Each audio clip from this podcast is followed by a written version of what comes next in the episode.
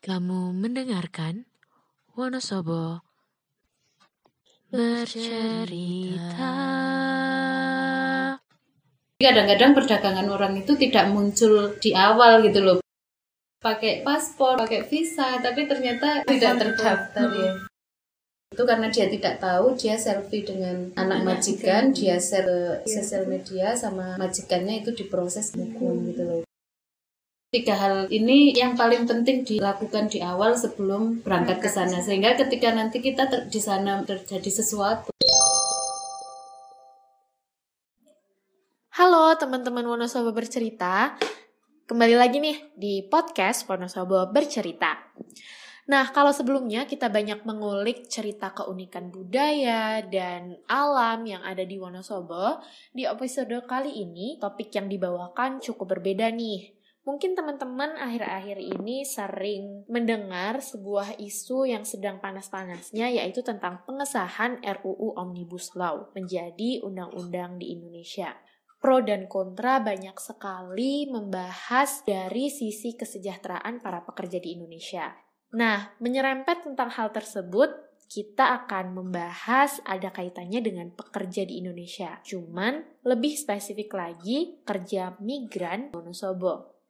Sebelum itu, ada yang tahu nggak nih penyumbang pekerja migran terbesar kedua di Indonesia? Nah, penyumbang kedua terbesar itu adalah dari Jawa Tengah dan Wonosobo, kota kita ini, masuk di dalamnya. Dari hal tersebut, kita mendengar adanya human trafficking.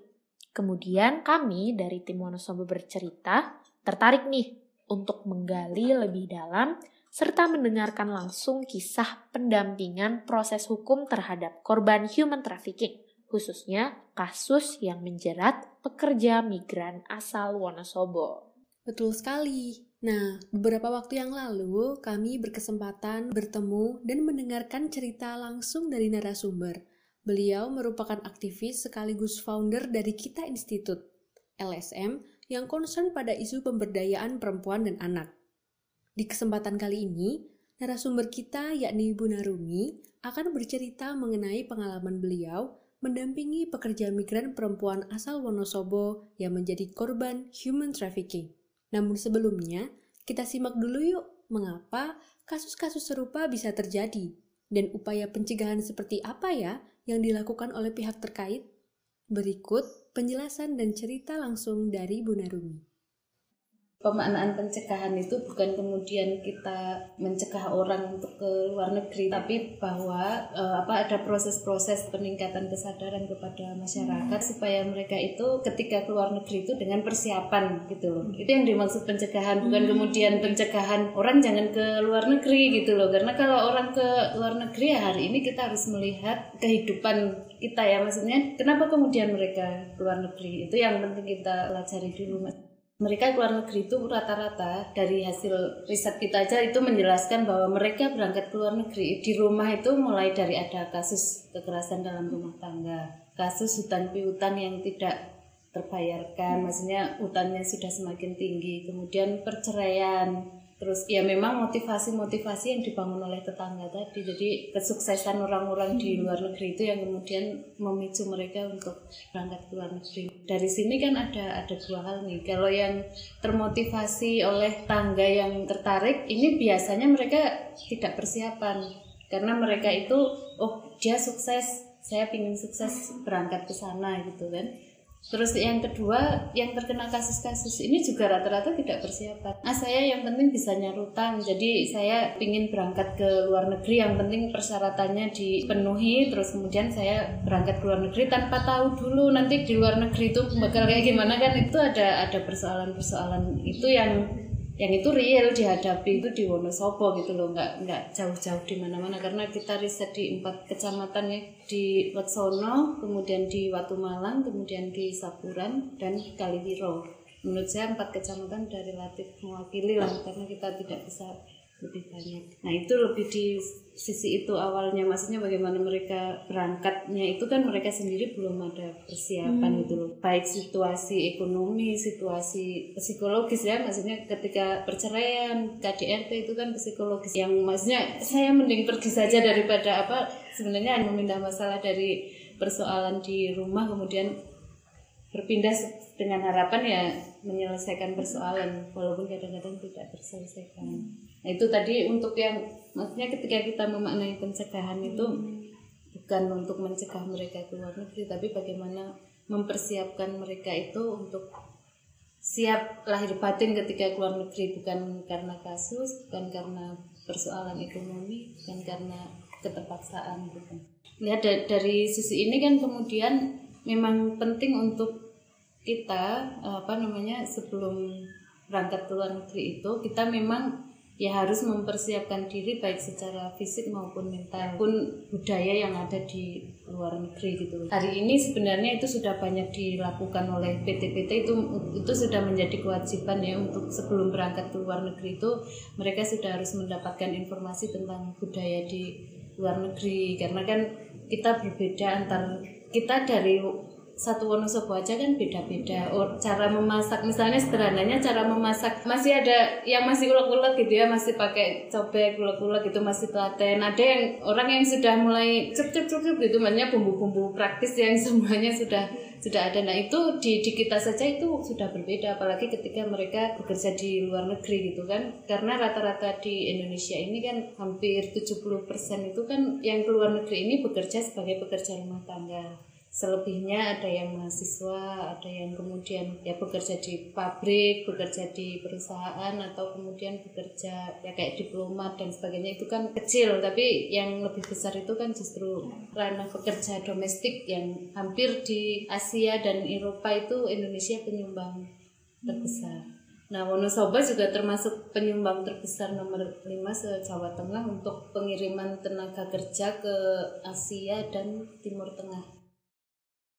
Nah, itu dia tadi penjelasannya. Selanjutnya, kita akan mendengarkan praktik pengiriman PMI undocumented atau tidak terdaftar, yang mana hal ini berarti sudah tergolong dalam kegiatan human trafficking. Nah, kalau undocumented itu biasanya kita kalah jadi kayak yang kasus Mbak ini kan kita selain mendampingi dia untuk bisa pulang ke rumah, kita juga bekerja sama dengan Justice Without Border atau JWB yang berkantor di Jakarta. Itu kita mendampingi untuk ini mendapatkan hak-haknya di di Singapura gitu kan. Nah, ternyata kita baru tahu bahwa e, dokumen yang dimiliki Mbak itu adalah tidak ada gitu loh. Jadi di Dinas Tenaga Kerja Kabupaten Wonosobo tidak ada dokumennya. Kan harusnya ada salinannya. Jadi ketika PT mengirimkan itu kan ada salinannya di Dinas Tenaga Kerja Kabupaten Wonosobo, terus ada di Kemenlu, terus ada di pihak agen Singapura sama di KJRI. Kita kita menggunakan surat-surat pakai keterbukaan informasi publik itu ternyata ini tidak diperoleh. Jadi di Dinas Tenaga Kerja Wonosobo nggak ada, di Kemenlu nggak ada, di KJRI-nya nggak ada. Sehingga kemarin kita baru mendapatkan putusan di bulan cashnya 2018 putusnya 2020 kemarin bulan puasa kita baru mendapatkan keputusan bahwa Mbak undocumented. Jadi tidak bisa mengurus hak-haknya. Nah di sini kan kita menjadi tahu bahwa ternyata bahkan dokumen yang resmi Mbak itu memegang paspor visa eh, surat kontrak kerja ternyata surat kontrak kerja yang dipegang itu adalah fiktif. Tidak ada di sana.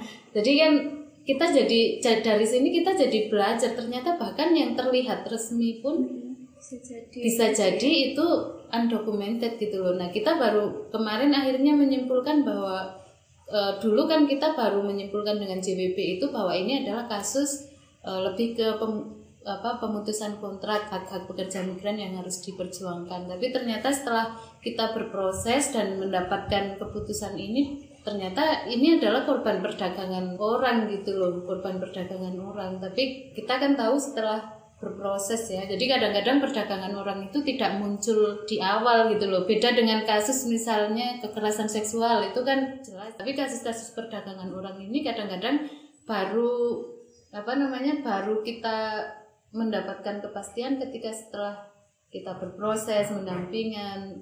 Oh ternyata ini kesimpulannya adalah kasus perdagangan orang karena dia dia ternyata dokumennya fiktif semua tidak tidak terdata semua tidak terdata gitu nah itu memaknai undocumented itu di situ jadi kadang-kadang teman-teman yang bekerja di luar negeri ini mereka pegang dokumen tapi ternyata dokumen itu fiktif nah ini yang kemudian selama ini orang apa sebagian besar menyebutnya ilegal tapi di setelah ada undang-undang pekerja migran Indonesia memang dilatih untuk berbicara soal dokumen dan undokumen. Itu yang dulu mungkin teman-teman sering mendengar uh, eh, TKI ilegal, TKI ilegal itu sebenarnya kadang-kadang prakteknya seperti itu. Jadi prakteknya itu uh, mereka bawa dokumen, mereka pakai paspor, pakai visa, tapi ternyata tidak terdaftar ya. Teman-teman sudah pernah dengar ini nggak apa yang penutupan kerja ke Timur Tengah? Sebenarnya kan di tahun 2017 itu moratorium ke Timur Tengah. Seluruh warga Indonesia itu tidak boleh berangkat ke Timur Tengah. Tetapi prakteknya kayak misalnya di Wonosobo sendiri itu hampir sebagian besar ikannya berangkat ke Timur Tengah. Ketika moratorium, mereka masih memaksakan diri untuk berangkat ke Timur Tengah karena ada saudara yang di sana. Jadi mereka kemudian menggunakan jalur paspor wisata dulu nanti setelah tiga bulan baru kemudian mereka mendapatkan paspor untuk bekerja di sana. Itu nanti diurus langsung oleh pekerja di sana. Dan kami melihat di data 2018 yang kita riset itu sudah tidak ada. Data Timur Tengah itu sudah tidak ada. Karena itu kan sudah moratorium. Jadi dari dinas tenaga kerja sendiri sudah tidak memiliki data warganya yang berangkat ke Timur Tengah.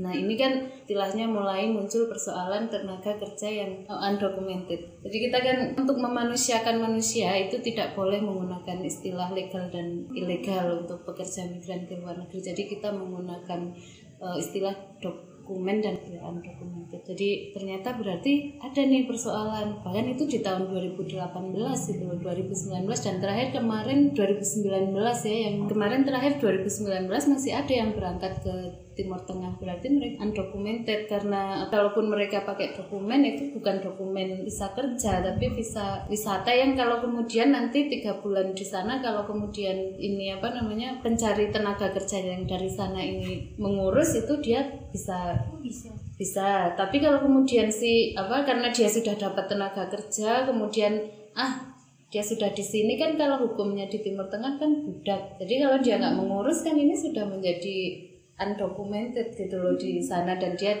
tidak tahu kapan akan pulang dan sebagainya. Gimana caranya pulang kan nggak tahu oh, karena nggak ada yang mengurus tadi. Iya karena nggak ada yang mengurus. Walaupun itu saudaranya sendiri yang memberangkatkan ke sana gitu loh. Jadi kalau melihat pekerja migran ini memang rata-rata mereka bekerja itu ya karena saudaranya sudah pernah ada di sana gitu jadi biasanya kan kalau di luar negeri itu ada ini saling informasi misalnya kita butuh tenaga kerja hmm. gitu kan hmm. nanti dicarikan saudaranya itu. Itu kalau yang Timur Tengah karena ternyata Wonosobo itu sudah mengirimkan tenaga kerja ke Timur Tengah itu sejak tahun 98 pas pasca Krismon itu khususnya wilayah Sapuran ini sebagian besar pergi ke Timur Tengah. Sehingga kayak menjadi keluarga sendiri. Jadi kalau misalnya saya itu kan kalau di tempuran luar itu sudah sampai turun temurun jadi sekarang itu sudah generasi ketiga yang berangkat ke luar negeri.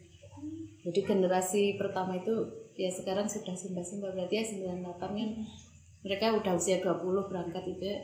jadi ini sudah rata-rata sudah mulai lulus SMA kalau yang generasi kedua itu masih lulus SMP kalau yang generasi pertama itu yang dulu mengalami kasus-kasus uh, apa pemalsuan data kayak misalnya yang diceritakan Bu Nur warga Tempuran Luhur itu dia berangkat ke uh, Abu Dhabi dengan namanya diganti jadi dia bukan Nur hmm. lagi di sana kemudian yang kedua alamatnya diganti jadi dia menggunakan alamat Banyumas kemudian tanggal lahirnya juga di ganti semua. Jadi kalau kemudian dia terjadi sesuatu di Arab Saudi bukan identitasnya Bunur. Nah itu kemudian kita gali waktu diskusi dengan mereka gitu.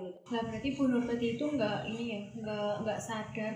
Berarti nggak tahu kalau namanya diganti itu nggak sadar. Tanya-tanya ke teman-temannya nggak apa-apa saya juga namanya diganti gitu loh. Jadi dia nggak nggak merasa itu masalah di waktu itu karena kan itu oh ternyata kalau keluar negeri kita harus ganti nama yang penting kita berangkat ke luar negeri gitu loh entah nanti di sana seperti apa kan kita nggak tahu maksudnya dia hanya punya cita-cita itu waktu itu jadi biayanya mahal sementara orang lain bekerja ke luar negeri pulang sukses gitu kan. Terus dia tertarik untuk berangkat ke sana. Kita itu istilahnya menggali cerita dari teman-teman mantan buruh migran itu bagaimana mereka dulu luar negeri bagaimana mereka di sana gitu dan itu kita dapatkan informasi itu dan mereka baru menyadari bahwa oh ternyata berarti kita dulu korban perdagangan orang dong. Salah satu bentuk perdagangan orang itu kan bagaimana pola rekrutmennya bagaimana nanti penempatannya terus bagaimana di tempat kerjanya itu seperti apa. Lah ini kan pola rekrutmennya sudah sudah ada unsur penipuannya karena kemudian dia diganti nama dan sebagainya gitu kan. Itu sudah masuk dalam proses cara perdagangan orang itu seperti itu. Mendengar penjelasan tadi, ternyata banyak ya bentuk-bentuk dari kasus human trafficking. Lalu jadi makin penasaran nih, pihak terkait menangani kasus ini tuh kayak gimana ya? Bisa kita simak penjelasannya berikut ini. Eh, kita kan sudah menerapkan yang namanya sistem informasi dan komunikasi sistem informasi manajemen dan komunikasi SIMKIM itu SIMKIM itu uh, kerjasama antar negara. Jadi sekarang kayak misalnya Indonesia dengan Hong Kong ini sudah sudah punya satu sistem yang sama. Jadi warga Indonesia yang berangkat ke Hong Kong ini sudah langsung terdata di sana. Sudah ini ini juga satu proses apa ya satu proses pencegahan untuk perdagangan orang juga yang dilakukan oleh pemerintah pusat dengan maksudnya mereka bekerja sama dengan antar negara untuk untuk apa namanya tidak terjadi lagi pemalsuan identitas gitu. Mungkin banyak nih dari pendengar yang bertanya-tanya bagaimana proses lembaga kita atau kita institut memandu korban dan tahap-tahap apa saja yang harus ditempuh untuk menyelamatkan korban human trafficking. Namun, perlu kami beritahukan akan ada beberapa nama dari korban yang disamarkan. Kalau uh, praktek yang kita jalani, jadi ada dua hal yang yang biasanya terjadi. Yang pertama itu dari sisi keluarga. Maksudnya keluarga itu melaporkan ke kita karena mereka kebetulan kenal dengan kita, terus tahu lembaga kita itu bergerak untuk e, pencegahan perdagangan orang. Nah, terus kemudian yang kedua juga dari jaringan. Jadi kan ada beberapa teman-teman NGO yang memang bergerak untuk isu-isu apa namanya buruh migran. Ketika mereka punya kasus yang itu kira-kira berdekatan dengan Kabupaten Wonosobo, mereka menginformasikan ke kita. Jadi eh, terakhir bahkan eh Hongkong ya yang anaknya ini, maksudnya melaporkan ke kita. Itu kan hasil dari jaringan ya, maksudnya meng menginformasikan ke kita kasus-kasus itu ada dua hal itu. Jadi dari sisi keluarga yang memang kenal dengan kita, kenal dengan lembaga kita, kemudian yang kedua dari sisi jaringan. Jadi dua hal itu. Nah biasanya nanti setelah kita mendapatkan informasi itu kita juga akan melakukan analisis terhadap kasus tersebut jadi setelah kita analisis kira-kira oh ini e, bisa kita tangani misalnya kayak dulu jadi ada salah satu kasus dari sapuran itu mereka keluarganya yang datang ke kita terus kemudian kita analisis ternyata ini bisa kita tangani gitu loh. Nah, kita memandu korban. Jadi karena kita bisa berkomunikasi dengan korban, kebetulan korbannya kan memang lulusan SMP dan dia bahasa Inggrisnya bagus. Jadi ketika di Singapura ini uh, ketika dia mendapatkan persoalan itu bisa tahu gitu loh maksudnya komunikasi dia harus lari ke mana gitu. Ketika kita di luar negeri kan ada dua hal yang harus kita lakukan. Ketika kita mendapatkan kasus itu yang pertama ke KJRI yang kedua ke agen agen yang mengirimkan. Nah dia ke agen. Jadi dia ke agennya. Nah si agen ini yang kemudian menawarkan lagi untuk bekerja ke Hong Kong dan nanti agen yang akan mengurusi segala biayanya dan sebagainya. Tapi Mbak Yati memilih pulang karena dia tahu apa namanya. Jadi agennya ini menyampaikan nanti kalau dia ke Hong Kong biayanya sekian sekian sekian kepada agen yang lain gitu sehingga Mbak tahu "Wah, ini nanti saya kalau pergi ke Hong Kong nanti saya akan dijual lagi maksudnya sama kasusnya seperti di Singapura gitu kan. Nah, jadi dia akhirnya memilih pulang kemudian dia menelpon suaminya suaminya lapor ke kita. Nah kita mulai mendampingi jadi mulai kamu persiapan pulang beli tiket kemudian setelah itu kamu selama di pesawat itu kamu tidak boleh berkomunikasi dengan siapa pun. Setelah turun dari pesawat kalau belum melihat kita, kamu tidak boleh menyapa orang lain, tidak boleh belok kanan, tidak boleh belok kiri. Kalau kamu kebelet pipis, pup itu jangan jangan masuk toilet dulu. Nanti kita cari toilet setelah kita keluar dari situ gitu loh. Nah, alhamdulillah karena dia mengikuti itu, jadi sebenarnya ada calonnya yang sudah menunggu.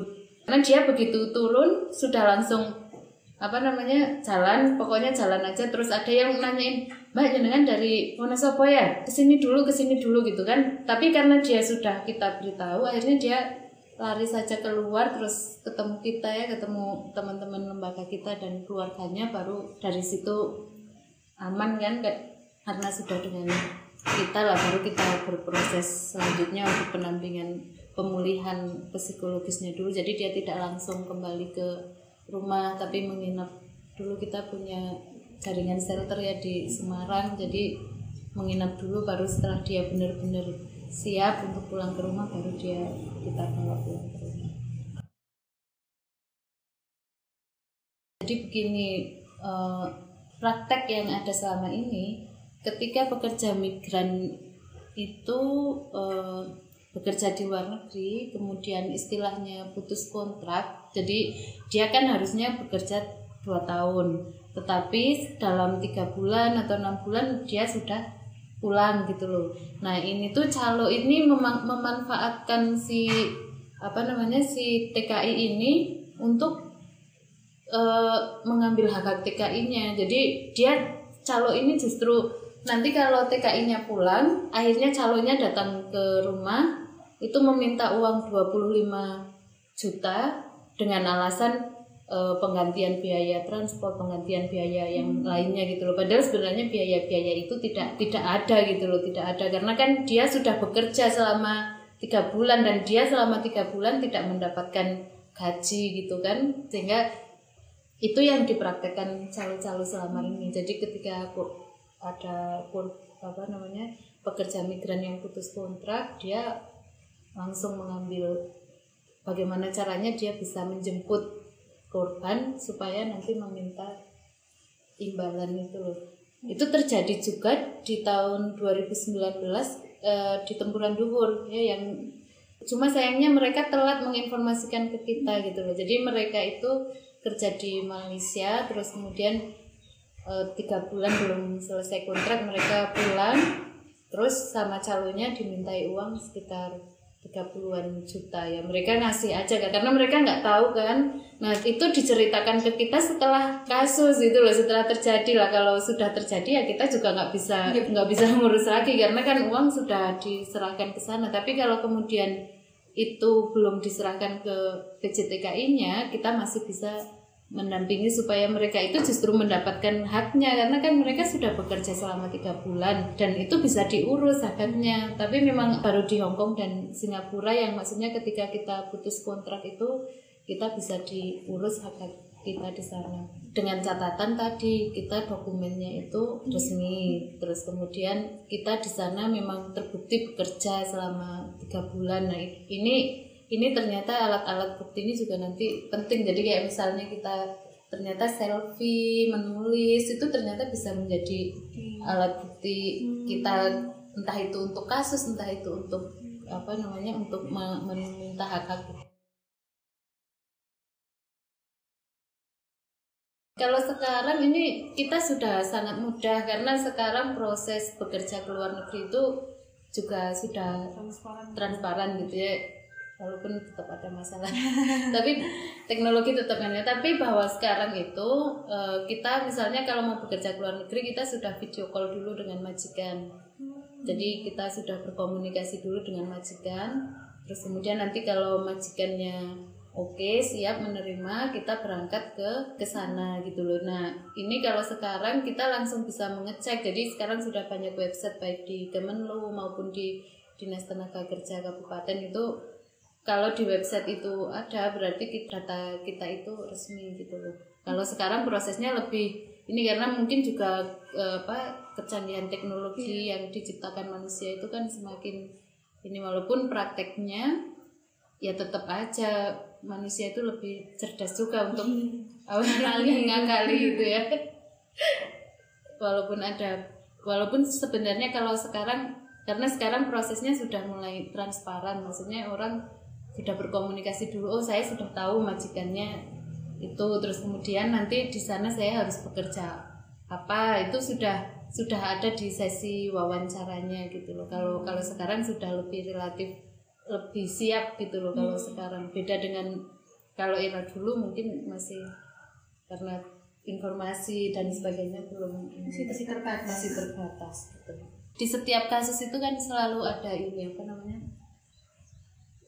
setiap teknologi selalu ada kasus yang baru gitu ya. Jadi kayak misalnya, oke kita sudah selesai dengan satu persoalan sistem informasi komunikasi dan manajemen. Kita anggap saja ya, anggap saja kita sudah selesai. Ternyata itu efektif untuk apa namanya eh, mengurangi pemalsuan data. Itu sudah relatif efektif. Tapi di sisi lain eh, masih banyak teman-teman kita yang eh, jadi antar agen jadi ini yang masih belum belum bisa diurai itu adalah kerjasama antar agen baik yang ada di Indonesia maupun yang ada di luar negeri. Jadi eh, mereka itu walaupun misalnya hari ini kita sudah tahu ya majikannya yang ini gitu ya, tapi prakteknya ini kemarin di Singapura itu prakteknya itu saya wawancaranya dengan kamu, tapi Pekerjaannya bekerjanya dengan orang lain gitu. Jadi praktek itu masih masih ada hari ini gitu loh. Kalau di proses transparansi awalnya ini sudah sudah bagus, tapi pada prakteknya itu masih ada walaupun ya saya saya mungkin hanya mendengar satu atau dua kasus, tapi kalau kemudian itu digali lebih dalam bisa jadi ada banyak kasus fenomena yang gunung oh es itu ya bisa jadi lebih banyak gitu. Nah, selanjutnya ada pertanyaan lagi nih. Hal-hal apa saja sih yang harus disiapkan sebelum memutuskan menjadi PMI? Narasumber kita berbagi dan menjelaskan dengan sangat jelas nih. Yuk, kita simak bersama penjelasannya. Ya sebenarnya kalau kalau kita mau keluar negeri ya intinya kita memang yang pertama itu memang harus eh, apa namanya menyiapkan diri kita dulu. Maksudnya secara psikis maupun yang- apa namanya fisik maupun psikis itu kita persiapkan terlebih dahulu bahwa kita akan jauh dari budaya kita gitu ya. Terus kemudian yang kedua ya kita harus belajar bagaimana pengurusan dokumen-dokumen yang resmi. Jadi kita harus mencari berbagai sumber lah maksudnya kalau sekarang kan ki- kita banyak nih banyak internet yang bisa kita maksimalkan untuk mencari sumber-sumber itu ya maksudnya data-data yang harus kita siapkan apa saja itu kan banyak yang bisa kita gali sumbernya. Kemudian yang ketiga ya kita harus belajar budaya negara tujuan kita itu seperti apa. Dan yang terakhir kita harus mulai belajar hukum di negara tersebut itu seperti apa. Ada kasus kecil yang maksudnya ini menjadi pembelajaran kita. Maksudnya kalau kayak misalnya di Hong Kong itu sudah ada peraturan tidak boleh menyebarkan foto anak majikan itu ke media sosial. Nah itu udah ada kasusnya, maksudnya teman di Hong Kong itu karena dia tidak tahu, jadi ada pekerja migran Indonesia yang ada di Hong Kong itu karena dia tidak tahu dia selfie dengan anak majikan dia share ke ini apa namanya Sosial media. sosial media sama majikannya itu diproses ke dalam hukum gitu loh. Karena kan kita kalau di di Indonesia itu menjadi hal yang lumrah lumrah gitu ya. Nah itu yang kemudian menjadi penting. Ternyata teman-teman itu juga harus belajar hukum di sana. Kalau di dulu kan kita mungkin hanya sampai di budayanya tapi kalau sekarang kita juga harus belajar bagaimana hukum di negara sana hal-hal apa hal-hal sederhana apa yang boleh kita lakukan hal yang tidak boleh kita lakukan Nah, itu dia tadi. Terus, em, semoga pekerja migran Indonesia di mana pun berada terjamin hak dan keselamatannya ya pendengar. Namun demikian, apabila terjadi sesuatu, apa sih yang harus dilakukan agar segera mendapat perlindungan? Simak penjelasan berikut ini. Hmm, jadi kalau ya kalau kita sudah bekerja di luar negeri dan di sana kemudian kita mendapatkan masalah, maka yang pertama memang ketika kita mau berangkat ke luar negeri kita sudah harus menyiapkan diri untuk memiliki nomor-nomor penting di sana. Jadi misalnya KCRI, organisasi pekerja migran yang ada di negara tujuan, terus kemudian teman-teman yang ada di sana, oh sama-sama kerja di sana. Jadi tiga hal ini yang paling penting dilakukan di awal sebelum berangkat ke sana. Sehingga ketika nanti kita di sana mendapatkan kasus ter terjadi sesuatu itu maka hubungi tiga tiga hal ini. Maksudnya kalau misalnya belum tahu KCRI belum tahu organisasi yang ada di sana maka teman kita yang kita hubungi. Kalaupun ternyata ini kita di sana ternyata majikan kita tidak memperbolehkan kita berkomunikasi dengan teman dan sebagainya gunakan media sosial yang ada hari ini. Jadi sekarang kita bisa bercerita maksudnya bercerita lewat Facebook lewat Instagram bahwa saya mengalami kekerasan gitu ya. Itu pertolongan pertama yang yang harus dilakukan oleh teman-teman yang ada di luar negeri gitu. Itu sekarang sudah mulai banyak. Beberapa teman kemarin uh, melihat kasus itu dari Facebook dari Instagram gitu. Kemudian ditindaklanjuti bagaimana kebenaran kasus ini. Kemudian ada yang kemudian diproses ada yang kemudian ya berita hoax gitu kan. Tapi tapi bahwa ternyata Facebook Instagram ataupun Twitter itu menjadi sarana juga hari ini untuk teman-teman yang mengalami masalah di luar negeri itu pertolongan pertama. Baru setelah itu nanti kan tindak lanjutnya setelah ketemu KCRI apa kan itu tindak lanjut berikutnya. Wah, bermanfaat sekali ya informasinya. Kemudian kita simak bersama yuk harapan dari Bunda Rumi dan kita Institut untuk para pekerja migran perempuan Indonesia, terutama pekerja migran perempuan asal Wonosobo.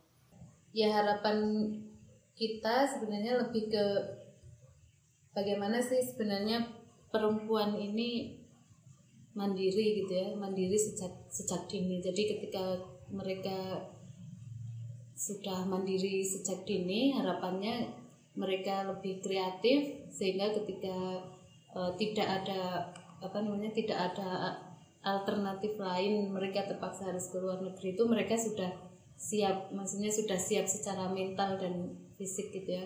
Kalaupun uh, mereka bisa bertahan di sini ya itu akan lebih baik membangun kampungnya sendiri membangun desanya sendiri itu harapan kita itu yang yang lebih baik gitu loh.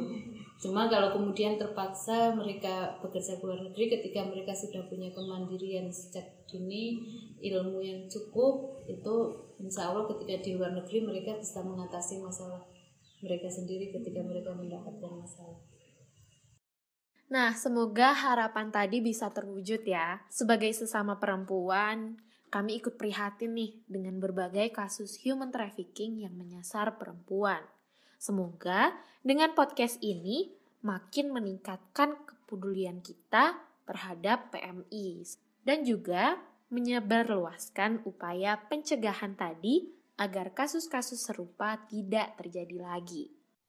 Demikian episode kali ini. Nah, untuk teman-teman pendengar yang mau ikut bercerita atau mengusulkan topik podcast selanjutnya, bisa ketuk DM kita di @wonosobo.bercerita. Selain itu, pendengar juga bisa menikmati kumpulan cerita dari sudut-sudut kota Wonosobo yang penuh kenangan dalam voice over at wonosobo.bercerita. Kami tunggu ceritamu ya. See you!